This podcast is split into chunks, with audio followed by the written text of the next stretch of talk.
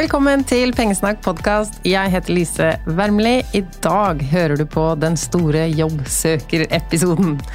Vi skal ta deg med gjennom det å lese utlysninger, skrive en CV, en god søknad, forberede deg til intervjuet. Og til det har jeg med meg en ekspert som er fra Backup Personell, som er min samarbeidspartner på rekruttering i år. Så det er derfor du ser at det står annonse i episodebeskrivelsen. Så kan ikke du begynne med å si hvem du er, og hva er eh, backup? Ja, det kan jeg, vet du. Jeg heter Ida Marie Holen. Jeg jobber, som du nevner, i backup personell. Eh, jeg har jobba med HR og rekruttering i 14 år, eh, og brenner skikkelig for å finne de gode kandidatene.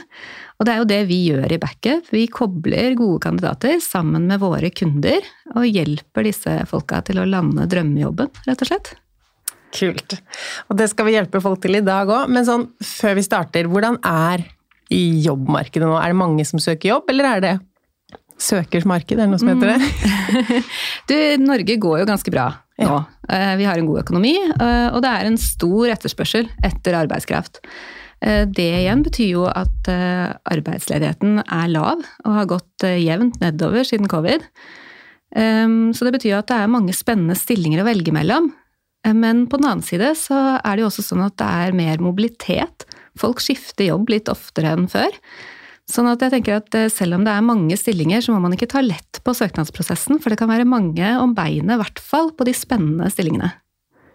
Og selv om man bytter jobb oftere enn før, så er det jo ikke sånn at man eh, de fleste søker jobb hele tida. Så hver gang man skal gjøre det, så så er det litt mye å sette seg inn i igjen. Så hvis vi starter helt på starten, hva, hva, er det første jeg skal gjøre når jeg tenker at nå er det kanskje på tide å bytte beite? Ja, jeg tenker Det kan jo være mange grunner til at man tenker det.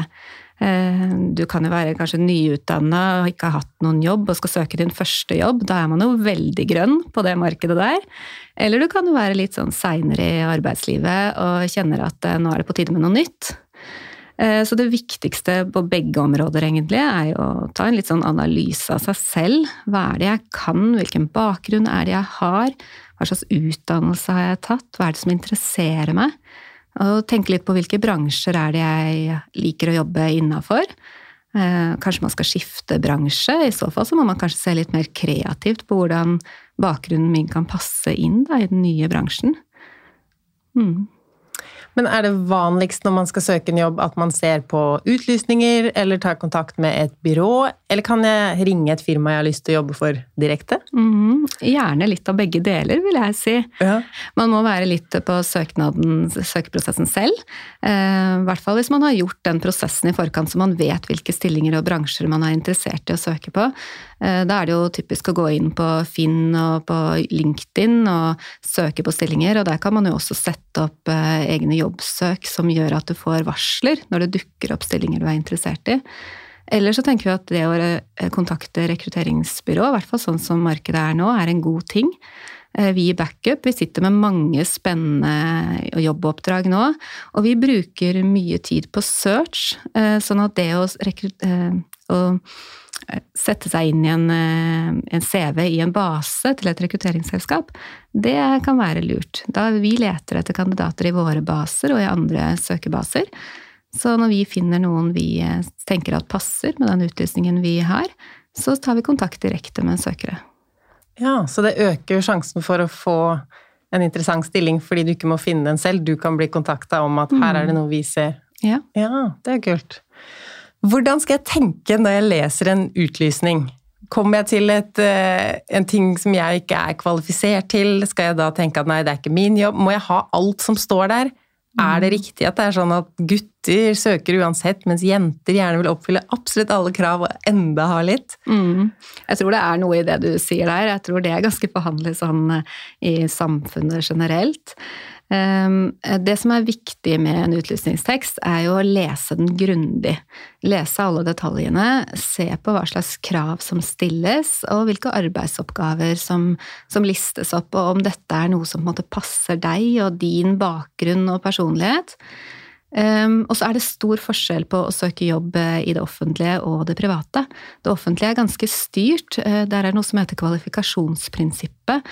Uh, og det handler jo om at hvis det står at du må ha en av kvalifikasjonene i utlysningsteksten, så må du det for å få, søknad, for å få lov til å søke. Og da er det jo sånn at du vil ikke bli ansatt hvis ikke du har den kvalifikasjonen. Og hva slags krav kan det være? Utdanning? Ja, det kan f.eks. være utdanning. Det er mange stillinger innenfor det offentlige som har krav til utdannelse. Altså eh, både innenfor eh, omsorgsyrker som sykepleier, men eh, skoler, barnehager. Disse har jo lovkrav til spesielle utdannelser. Men det er også sånn på andre stillinger òg. Altså hvis du mm, søker på en byggesaksstilling f.eks., så kan det hende at de ber om at du har en juristbakgrunn. Og da, hvis de har sagt det som et må-krav Vi skiller ofte på må-krav og bør-krav. Ja. Altså, det er en fordel at du har bakgrunn fra. Men hvis det står at det er et må-krav, så må man ha det. Og da vil man ikke bli innkalt til intervju hvis man ikke har den bakgrunnen.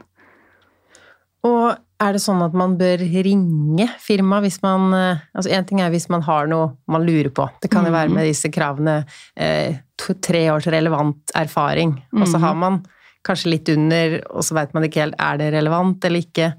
Eh, men er det sånn at man stikker seg ut i søknadsbunken hvis man er litt frampå og tar en telefon? mm. Ja, det er jo ofte et sånt tips man kan lese på nettet, at det er lurt å ringe. Jeg vil si at eh, du bare skal ringe hvis du har noe nyttig å spørre om. Hvis du spør om ting som du kan finne ut av, enten ved å lese utlysningsteksten eller ved å lese på nettsidene til bedriften, så tenker jeg det heller er negativt å ringe. Ja. Men hvis du, sånn som du sier, lurer på er det relevant at jeg søker på den stillingen her med min bakgrunn, så er det et typisk spørsmål som er veldig lurt å ringe om. Og da får du, som du sier, gi sagt navnet ditt og eh, lagd en litt mer sånn personlig tilknytning til eh, søkerprosessen, da. Men du anbefaler ikke at jeg prøver å finne noe for å få tatt en telefon? Eh, kun hvis det er relevant. Ja. Mm. Eh, så må jeg skrive denne søknaden, da. Mm.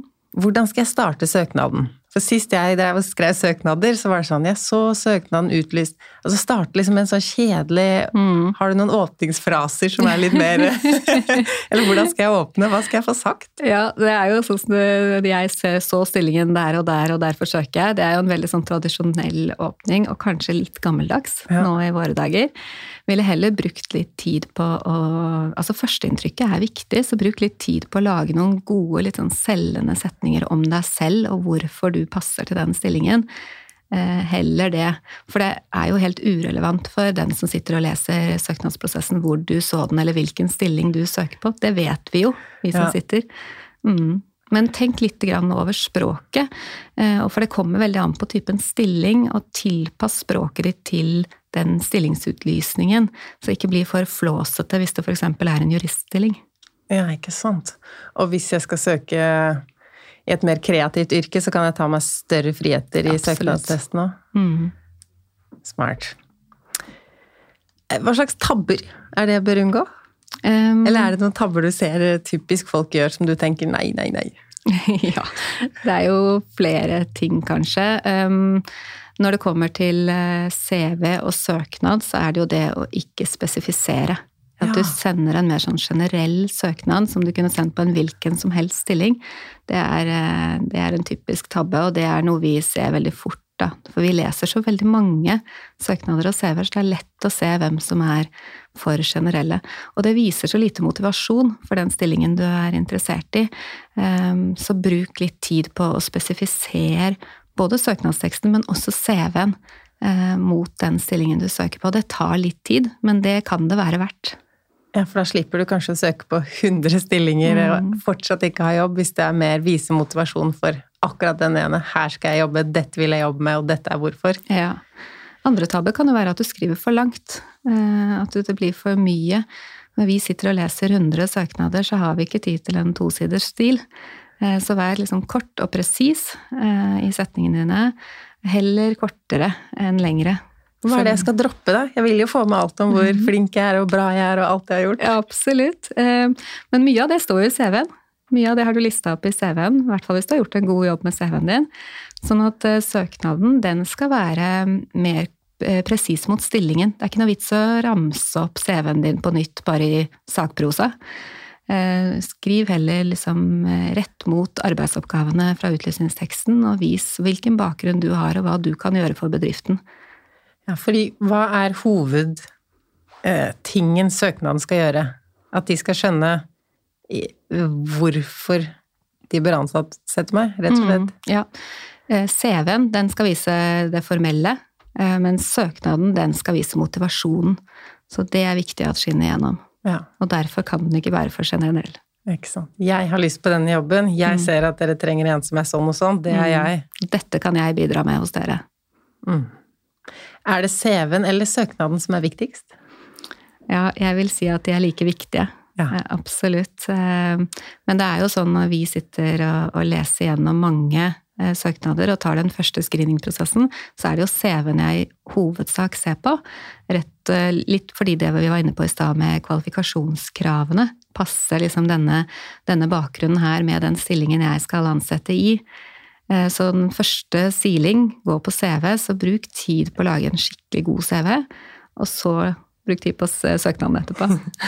Men når du sitter med en bunke med 100 søknader og CV-er til en stilling, Eh, og tar den første silinga, som du sa. Eh, jobber du da med å sile ut de aller verste, eller å sile ut de aller beste? Ja, det er begge deler, og det kommer ja. litt an på hvor mange det er. Ja. Mm. Men da må vi gå inn på CV-en, da, siden den også er så viktig. Hva, mm. hva, inneholder en god CV? Er ikke det bare en liste over skoler jeg har gått på og jobber jeg har hatt? Ja, det er litt mer enn det, i hvert fall hvis den skal bli skikkelig god. Ehm, den må være veldig sånn strukturert og ryddig, sånn at det er lett for oss å lese, lett for meg å se med en gang om din bakgrunn passer for denne stillingen her. Ehm, og vi er jo litt eh, opptatt av at den ikke skal være statisk. Du må gjerne tilpasse den til hver enkelt stilling og flytte litt rundt på, eh, om, på det som står der, sånn at den passer og at du viser motivasjonen også litt grann på CV-siden. Det må du fortelle mer om, for jeg kan jo ikke endre hvilke jobber jeg har hatt. eller nei, nei, absolutt ikke. Ikke bli så kreativ. Ikke bli så kreativ. Nei, vi, har, vi i Backup har jo laga en mal da, som vi tenker eh, hvordan en god CV skal se ut. Um, og da, det vi syns er viktig, er jo selvfølgelig at du først starter med hvem du er. Liksom personlig informasjon, navn, telefonnummer, e-post, uh, gjerne også LinkedIn-profil, hvis du er uh, i en bransje som benytter det. Ja. Uh, og så vil vi gjerne ha en liksom, Men Skal jeg skrive om jeg er gift og har barn og sånn? Nei, det tenker jeg er unødvendig for meg å vite det. Ja, mm. greit. Um, så vil vi gjerne ha et litt sånn kort avsnitt om eh, hvem er du? Litt sånn kort nøkkelkvalifikasjonene dine. og det er vanskelig. Også, ja, det er vanskelig. Det er det. Tre ord om meg, ikke sant? Ja. Men der kan du godt dele opp, da. Sånn, hvem er du litt sånn personlig? Hvilke personlige egenskaper har du for å gjøre denne jobben her godt? Og litt mer sånn på hvem er du profesjonell, hva slags bakgrunn har du, litt sånn kort fortalt. Så det er den jeg mest skal tilpasse da, til hver stilling? Ja, det kan du godt. Mm. Og så kommer jo det du sier med utdanning eh, og arbeidserfaring. Og der er vi litt opptatt av at du skal begynne med det siste du har gjort først. Så det er ikke nødvendigvis sånn at utdanninga alltid skal komme øverst og arbeidserfaringen etterpå. Eh, hvis det siste du har gjort er en utdannelse, så sett det øverst. Ehm, men hvis det siste du har gjort er en jobb, så er det arbeidserfaringa vi vil ha øverst. Ja. Mm. Da har jeg alltid gjort det feil. Begynt med skoler, utdanning, ja, ikke sant. Så de har rekket å sovne før de kommer til det mer eh, interessante. Det handler jo om hva som er relevant for stillingen. Mm. Men eh, hvis jeg har vært i én bransje, og så har jeg mm. kanskje jobba med noe annet eh, noen år, og så vil jeg tilbake til den gamle bransjen. Setter jeg da først opp de stillingene som jeg føler er relevante, eller skal det også være det nyeste først?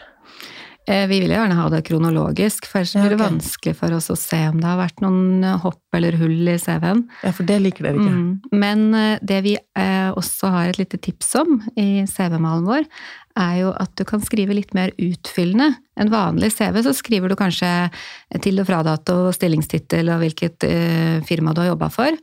Men gjerne litt mer. Og det kan du gjøre da på de stillingene som er relevant nå når du søker. Ikke på alle stillingene, men på det som er relevant. Og da kan du gjerne tra frem litt sånn Er det noen prosjekter du har hatt ansvar for? Er det noe, noe du har fått til? Har du lært noe spesielt? Kan du noen spesielle datasystemer som er viktige, f.eks.? Ja. Sånne ting kan du liksom lage et lite avsnitt av eh, da. Og det du var inne på med hull i CV-en. Mm. Hvis man har noen sånne mm. såkalte hull, hva, hva, skal man gjøre med det? Skal man prøve å begynne å forklare det i CV-en, eller? Altså, vi ser det jo med en gang hvis det er et hull i CV-en. Eh, så det er jo ikke noe vits å prøve å skjule det. Og det er jo stort sett så er det gode grunner til at folk har eh, hull i CV-en. Man kan ha um, hatt en, en, en, hendelse i livet sitt som har gjort at man er nødt til å tenke litt annerledes og kanskje skifte bransje. Da er jo det helt relevant å, å vite om, og ikke noe vi legger noe negativt til. Det kan jo være at man har vært hjemme med barn eller syke foreldre eller noen sånne ting behøver ikke være så veldig personlig, men en forklaring på hvorfor er greit. Men hvis jeg har vært syk selv, da, i en periode mm. på halvannet år kanskje, mm. så er jo ikke det det første jeg vil fortelle. Nei, det skjønner jeg. Men jeg kan ikke ljuge heller. Nei. Så da lar jeg det bare stå åpent. Det, man må kjenne litt selv, tror jeg, på ja. hvor åpen man har lyst til å, å være om det. Eh, og se an situasjonen, rett og slett. Det er ikke noe fasitsvar på akkurat den. Nei.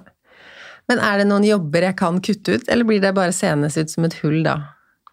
Jeg syns at det meste skal stå der, men ja. igjen, du behøver ikke utfylle så mye på det som ikke er relevant. Nei, ikke sant. Så hvis jeg jobba på en dagligvarebutikk da, under studiet, så trenger jeg ikke å skrive at det var påfyll av varer, kassaarbeid. Men mer relevante stillinger, så mm. skal jeg si prosjekter og faktiske arbeidsoppgaver. Ja, jeg ville gjort det. Mm. Hva med kurs? Ja, hvis det er relevant, så er det fint å sette opp.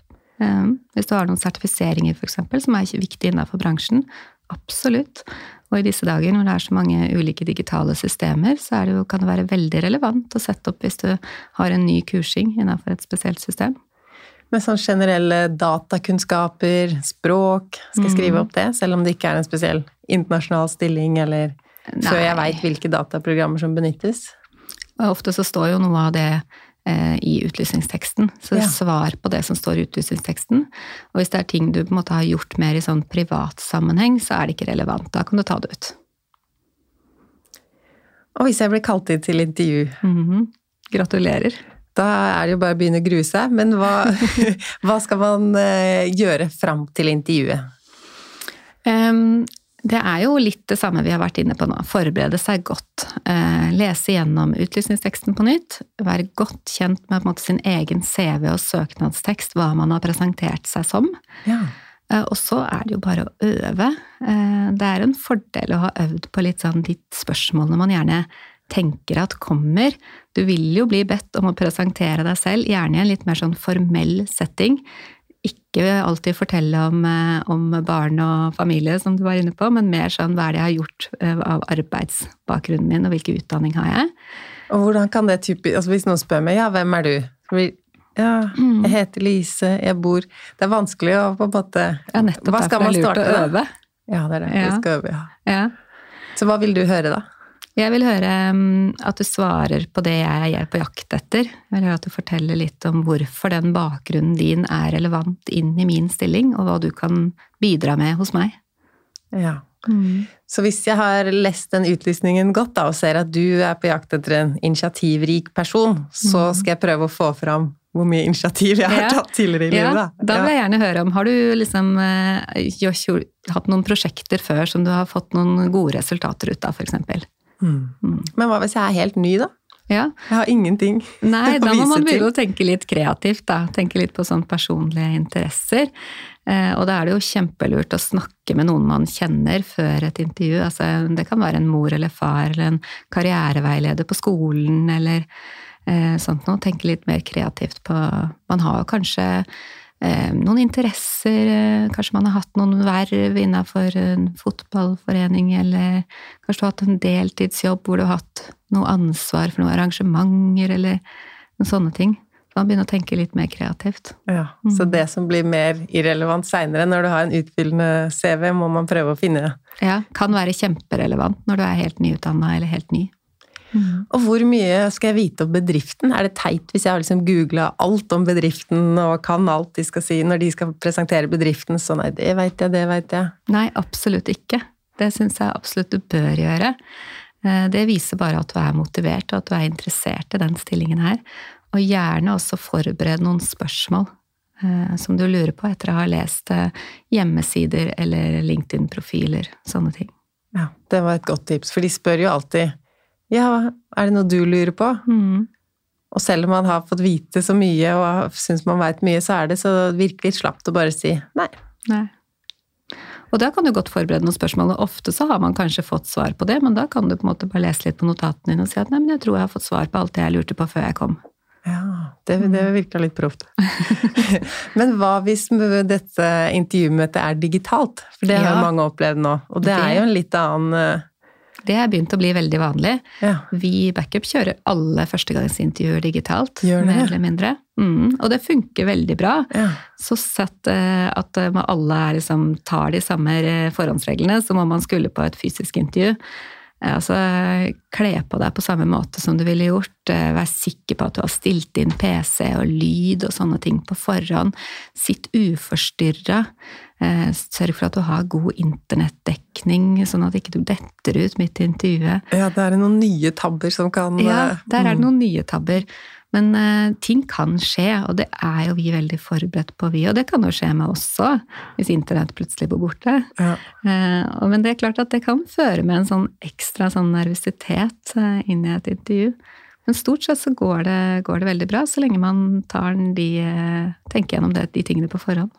Og er det noen fordeler med et digitalt møte? Annet enn at man sparer tid og slipper å reise? Mm, ja, det er jo det, da. Ja. Eh, for vår del så får vi jo gjort en del intervjuer på kort tid. Um, og man slipper, som du sier, reisevei. Man kan søke andre steder i landet, f.eks. Mm. Uh, og inn i dette intervjuet, mm. hva skal jeg ha på meg? Er det noen som bryr seg om det? Ja, det vil jeg brydd meg om. Spesielt hvis man er underdressed. Ja. Um, jeg ville anbefalt å type google firmaet, se på hjemmesider og, og sosiale medier og sånn, se hvordan de kler seg, og så speile det. Og så kle deg heller litt penere enn du tror du må. Mm. Mm. Det viser at du gjør en innsats. Og skal jeg ha med meg notater, eller skal jeg prøve å være mest mulig fri og tilgjengelig? Mm. Gjerne ha med notater. Ja. Eh, det viser jo bare at man er godt eh, forberedt. Men da er det viktig at man ikke blir så opptatt av notatene at man glemmer å se intervjuene i øya. Ja. Uh, og sånn i fysiske intervjuer, hva slags tabber er det vi må unngå å gjøre? Ja, du må være godt forberedt. Uh, gjerne ha lest av på bedriften, og spesielt på arbeidsoppgavene, så du er forberedt på å svare på sånne typiske spørsmål. Du må selvfølgelig komme i tide og være skikkelig kledd og, og sånt noe. Det er, det er en god start, i hvert fall. Men hvilke spørsmål blir jeg møtt med? For én ting er jo å øve på hvordan jeg skal presentere meg. Mm. Og så spør altså hvilke spørsmål skal jeg øve på? Er det fortsatt sånn tre svake sider ved deg selv? Mm. Må jeg vite de? Eh, det skader ikke. Og jeg tenkt gjennom både sterke og svake sider ved seg selv. Eh, men eh, det er kanskje De vil nok bli pakka inn på en annen måte eh, nå. Sannsynligvis så kommer de til å stille mer rundt arbeidsoppgavene i stillingene. Og hvilke eventuelle erfaringer man har med den typen arbeidsoppgaver før, og hvordan man eventuelt kan dra nytte av kunnskap man har da, inn i de arbeidsoppgavene. Og hvis jeg kommer videre til et annengangsintervju, mm -hmm. Er, eller for det første, er det alltid et annengangsintervju, eller er det noen jobber man trenger bare én prat, og så du er perfekt, vær så god? Mm. Nei, det er ikke alltid det er annengangsintervjuer. Det er stor forskjell på, på markeder. Mm. Og et annengangsintervju, hvordan er det ulikt fra førstegangsintervjuet? Eh, de jo, kan ofte virke litt like, men man gjerne så borer man litt dypere eh, i andregangsintervjuet. Har litt mer spørsmål som krever litt mer refleksjon. Eh, det som er viktig å tenke på da, hvis du er så heldig at du kommer videre til et angangsintervju, er hvis det er noen nye som sitter og skal høre på deg den på runde nummer to, Eh, så ikke ta for gitt at de har fått en full rapport fra førstegangsintervjuet. Vær litt oppmerksom på at du må eh, gjenta litt fra forrige runde også, sånn at du får fram det som du tenker er viktigst å få fram. Da. Ja. Og så er det veldig vanlig i angangsintervjuet at man kanskje har gjennomført noen tester og sånn i forkant, så da brukes litt av tiden på en tilbakelesing på det. Ja, Hva er disse testene, og hvorfor Eller hva kan de si om hvor egna jeg er til å gjøre en jobb? Eh, tester er jo på en måte et, eh, et, tillegg som eh, de som ansatte bruker for å sjekke om man har de kompetansene som kreves, da, som vi er på jakt etter. Så hva slags tester kan det være? Det kan være personlighetstester, eller evnetester, eksempel. Ja. Det kan være logiske tester. Hvor smart det er, rett og slett? Ja, på en måte. Mm. Hvis, og, det, hvis, det, er relevant for stillingen, da. Mm. Ja. Og da bruker du intervjuet på å fortelle meg hvordan jeg gjorde det? Ja, og hvordan man eh, reflekterer rundt det selv i forhold til den stillingen man sa søk på. Ja. En annen ting på angangsintervju kan jo være at man kan få en case. Ehm, det får man gjerne informasjon om eh, i forkant. Enten at det kommer til å komme en case på intervjuet, eller at du får den tilsendt i forkant og skal presentere den på intervjuet. Det er veldig vanlig. Og hva ser du etter som rekrutterer når noen har gjort en sånn case eller skal presentere et eget arbeid? Ja, ofte så har jo vi snakka sammen. Ikke sant? Vi har en liste kanskje på hva vi ser etter.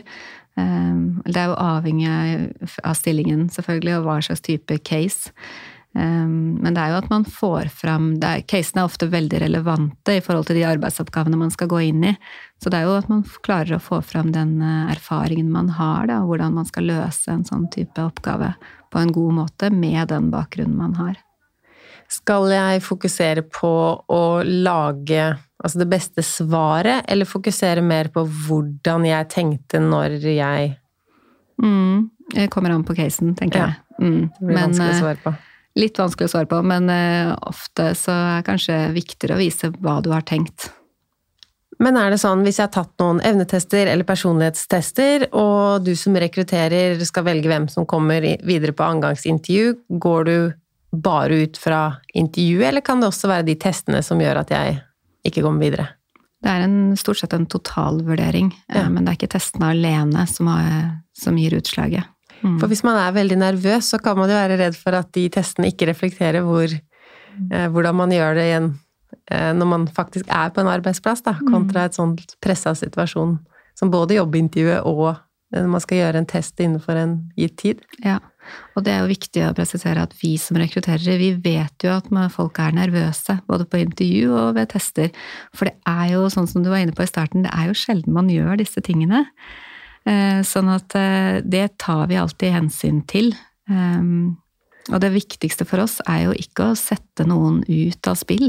Vi vil jo få fram det beste hos, eh, hos alle kandidatene våre. Så det er vi veldig vant til. Eh, men det er, hvis du blir bedt om å ta en test, så er det noe du må igjennom. Da kan du ikke nekte. Nei. Og etter andregangsintervjuet, eller det kan vel være tredjegangsintervju noen ganger òg? Noen ganger kan det det. Fjerde? Det kommer litt an på hvor mange søkere vi sitter igjen med. Ja. Men hvis man ender der at man får et jobbtilbud, Mm, gratulerer. Da er man ferdig med hele jobbsøkerprosessen, eller er det noe mer jeg må ja, gjøre nå? Jeg har veldig lyst til å si at du bare skal sprette champagnen, eh, men jeg tenker at først så vil jeg anbefale at du leser veldig nøye gjennom det tilbudet du har fått, og ser på betingelsene. For hvis du skal forhandle om noe, så er det nå. Ja. Eh, og så, hvis du har liksom fått det du vil, og forhandla deg fram til det du vil, så kan og du sprette champagne. Og da snakker vi primært om lønn, eller er det andre ting? Ja, det kan være andre goder også. Eh, kanskje det er relevant å spørre om noe mer avspasering eller eh, fleksitid. Eh, det kan være parkeringsplass, f.eks. Det kommer litt an på bransjene man er innafor. Så hvordan skal man nå forhandle om lønn? Jeg vil jo fortsatt beholde dette gode førsteinntrykket og ikke virke grisk, og, og man har kanskje ikke snakka om lønn på intervjuene? Ofte så blir lønnen tatt opp, for det er gjerne så har man jo et lønnsspenn eh, i den stillingen. Eh, og det er gjerne at vi har snakka om det, om, om er vi innafor, på en måte. Eh, men, Men det er ofte noe dere som intervjuer tar opp, ja. eller? Ofte så er det en ansettende leder som tar opp det. Ja. Nå hørte jeg på et par av podkastepisodene dine i går, og jeg hørte at du hadde en i forhold til likestilling for et par uker siden. Der var det mange gode tips i forhold til det med å forhandle på lønn. Men dette med lønn, når kan jeg ta opp lønn i en jobbsøkerprosess? Mm, normalt sett så, så, vil vel rekrutterer ta opp det. Men hvis de ikke gjør det, så er det kanskje naturlig å ta det opp mot slutten av et intervju. Men hvis det er det jeg lurer aller mest på, hvorfor kan jeg ikke bare spørre om det først? Det handler litt om motivasjonen, da. Jeg som rekrutterer ønsker jo å se at du er motivert for stillingen uavhengig av lønn, men jeg skjønner jo at lønn er viktig i en jobbsøkerprosess. Så hva, hva, kan jeg spørre om da? Rett ut hvor mye tjener man her? Ja, hvis ikke de har, eh, ikke de har eh, sagt noe om lønn, eh, så kan du jo godt spørre hva, hva ligger denne stillingen på sånn lønnsmessig? Og hvis man er litt usikker selv på hva man kan kreve, så er det jo tips f.eks. å gå på SSB sine statistikker. Der kan du jo se innafor yrker og bransjer hva som er liksom en normal lønn. I det offentlige så ligger jo stillingstrinnene ganske offentlig både på KS sine nettsider og også på kommunenes egne hjemmesider. Eh, du kan kanskje høre med en fagforening. Eller hvis du er så heldig at du kjenner noen som jobber innafor den samme bransjen, så er det jo veldig lurt å spørre de. Og når vi kommer til der at jeg blir tilbudt en jobb og ser at den lønna ikke er eh, akkurat som jeg hadde håpa, hva mm. gjør jeg da? Ja, da kan du komme med et motbud, tenker jeg. Det er helt naturlig. Men hva hvis jeg mister stillingen, da? Bør jeg, eller kan jeg tørre, og hvor mye kan jeg tørre å gjøre når jeg har fått et tilbud? Det kommer vel litt an på hvor godt man kjenner bransjen fra før av. Bør jo ha tenkt gjennom litt eh, sin egen verdi. Det går jo helt på, på utdanningsnivå, eksempel, eller hvor lang erfaring man har. Og igjen, kontakt noen du kjenner, eller eventuelt en fagforening i bedriften, for å høre om at dette lønnsnivået er passende da, for din bakgrunn. For det kan jo være vanskelig å vite. Eller så man tenker at ja, det finnes mange nyutdanna som meg, at da er det vanskelig å kreve noe. Men hvis man er gjerne mm. en i Norge med best kompetanse på det her, så er man jo fortsatt ikke verdt mer enn noen er villig til å betale. Nei, det er veldig sant, det. Men man må ha forberedt noen gode argumenter da, for hvorfor man mener at jeg er verdt mer. Ja, og hva kan det være? Nei, det kan være at man har lang erfaring, for eksempel. Ja. ja. Dette kan jeg godt. Eller at man har en utdannelse som på en måte er spot on på den stillingen. Så litt samme som med lønnsforhandlinger generelt, da. Mm. Man skal ikke være fordi jeg har lyst på en ny bil. Nei, det er veldig dumt. Når det ikke står oppgitt noe om lønn i stillingsannonsen, hvordan kan jeg vite om det er verdt å bytte jobb for? Mm, ja Jeg tenker at det med lønn, det blir ofte tatt opp på intervjuene. Eh, og så tenker jeg at lønn skal ikke være det viktigste når man skifter eh, arbeidsplass. Det kan være viktig, men motivasjonen skal være viktigere. Men hvis man tenker at man ikke har mulighet eller lyst til å gå ned i lønn, mm. er det noen måte jeg kan vite Du sa jo at det er et spenn på alle arbeidsplasser eller stillinger. Kan jeg få vite om dette spennet? Kan jeg ringe? Mm, du kan absolutt ringe, men det er viktig da å på en måte presentere det på en måte som gjør at det ikke Eh, det virker som at hovedmotivasjonen din er lønn. Mm. Men for mange som hører denne podkasten, så ja, er vi opptatt av eh, penger og lønning, og kanskje spesielt det at man kan ikke gå ned i lønn for en jobb. Mm. Da skal det være en veldig veldig attraktiv jobb, og da lurer man jo ikke på det her engang. Da mm. søker man uansett. Eh. Ja, det er klart at grunnen til at vi sitter her og prater sammen, er jo nettopp fordi at lønn er viktig for folk. Og det er jo derfor man jobber, stort sett. Um, men som skal... du sier, man er mange timer på jobb, og det skal jo være mm. noe man trives med. Ja. Hvis jeg merker at jeg får ikke noe jobb, eller jeg er ikke attraktiv for de som jeg vil jobbe for, hva kan jeg Jeg vil jo ikke begynne på en helt ny utdanning, kanskje. Dere som byrå, veit dere om kurs og etterutdanning, eller hva? Kan dere guide meg i noen annen retning mm. enn spesifikke jobber? Eh, ja, jeg ville litt som vi var inne på i stad, begynne å se litt på måte, CV og bakgrunn, for å se om det er noen, noen enkle grep man kan gjøre. Ta noen kortere kurs, eller ja. sånn. Eller så er jo det som du er inne på, kontakte et rekrutteringsbyrå, og så få hjelp kanskje inn i noen kortere vikariater innenfor den bransjen du ønsker deg inn, sånn at du får litt erfaring. Ja, og da kan man jo merke selv og ja, var dette egentlig det mm. jeg tenkte jeg ville? Passa jeg egentlig her? Hva med LinkedIn? Må jeg være på LinkedIn om jeg er jobbsøker i 2022? Det kommer helt an på bransjen. Det er ja. mange bransjer som ikke bruker LinkedIn. Ja. Eh, så da ville jeg kanskje, hvis ikke du er på LinkedIn og lurer litt på om bransjen du skal søke inn i, bruker LinkedIn aktivt, så google litt og sjekke. Og hvis de gjør det, så vil jeg anbefalt det å være der. Vi er en eh, ganske digitalt samfunn eh, nå om dagen, sånn at det er helt naturlig at ansettende leder eller rekrutterer eh, googler deg for å se om du er den samme som du har oppgitt i søknaden. Men hva skal jeg legge ut på LinkedIn, da? Skal jeg ha profesjonelt bilde, litt sånn CV-info, mm. eller skal jeg prøve å finne masse gamle kjenninger fra alle mulige bransjer og få det til å virke som jeg har en aktiv eh, feed? Det viktigste tenker jeg er at eh, CV-en du sender inn med søknaden, måtte reflektere litt det samme som er på LinkedIn. Ja. Mm. At det er en sammenheng der, en rød tråd. Og så er det jo et, et nettverk, et profesjonelt sosialt nettverk, som må gjerne knytte litt kontakter og Vise at man er eh, oppegående og interessert i, i, fagområdet. Hva er det du liker? Altså Hvis du skal inn og google en eh, kandidat, hva er det du liker å finne?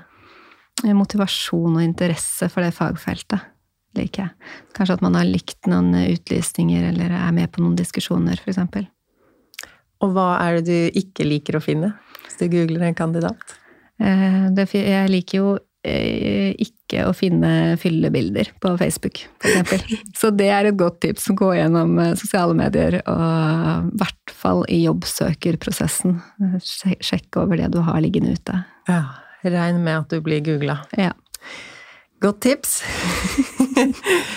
Så nå har vi fått mange eh, tips her. Vi må jo begynne med se på utlysninger. Eller enda før det sa du at man skulle reflektere litt. Mm. Reflektere litt over deg selv eller den bakgrunnen du har, for å se hvor du kan passe inn. Og så lage denne CV-en. Jeg kan vel lage én generell, og så tilpasse den litt? Eller vil du at jeg skal du. vente helt til jeg er interessert i en stilling, før jeg i det hele tatt setter opp en CV? Nei, det er veldig lurt å lage seg en, en mal, på en måte. Mm. Og dere har jo en mal som mm. dere vil dele med ja. oss. Det gjør vi. Så der legger jeg en link i episodebeskrivelsen. Der er det en CV-mal. Står det der f.eks. om jeg skal ha med bilde eller ikke? For det er jo sånne ting man kan lure på. Ja, eh, det er jo litt sånn både òg. Det er litt eh, både positive og negative sider ved det å ha, ha med et bilde. Ja. Eh, det gir jo en, en relasjon ofte med, til søkeren, man får et litt bedre inntrykk. Men så er det jo liksom en trend i arbeidsmarkedene nå, dette med anonyme CV-er. Og da mm. fjerner man jo alt av eh, personlige kjennetegn, både navn og, og kjønn og bilde og sånn. Ser kun på det formelle for å være helt nøytral. Så det blir jo litt opp til hver enkelt. Men kan jeg gjøre det? Søke på en jobb som en anonym uten navn eller noe? Ja, det er arbeidsgiver som, eh, som, velger om de ønsker å benytte seg av disse anonyme CV-ene. De fleste sånne store eh, rekrutteringssystemer har en, en mulighet for det. Ah. Mm. Men det viktigste hvis du velger å, å, ha et bilde, er jo å tenke gjennom hva slags bilde du velger. Eh, for det er viktig at det er et litt sånn profesjonelt preg eh, over bildet. Så tenk litt sånn hyggelig passbilde. Litt, du er godt til fotograf? Nei, du kan gjerne ta det hjemme. Men ikke for mye filter eller sminke, og ikke for uklart og for mye støyende elementer. Nei. Mm. Så jeg kan lage, bruke det samme på LinkedIn? Det, det blir samme, mm. samme type profesjonelt bilde? Hva mer? Har du noen sånn siste tips? Hva jeg må ha med i søknaden, eller hva jeg kan, eh, bør kutte ut for å ikke bli Man vil jo ikke bli lagt merke til negativt, men samtidig vil man jo stikke seg litt ut, hvis du mm. sier du leser 100 søknader til en jobb. Mm. Det viktigste, tenker jeg, er at eh, du er ryddig og strukturert eh, i fremstillingen din. At du fremstår motivert for stillingen, og at når du kommer på intervju, så kjenner jeg deg igjen fra CV-en, så ikke pynt for mye. Tusen takk for masse gode tips. Tusen takk for meg. I episodebeskrivelsen legger jeg den linken til CV og søknadsmal fra backup-personell.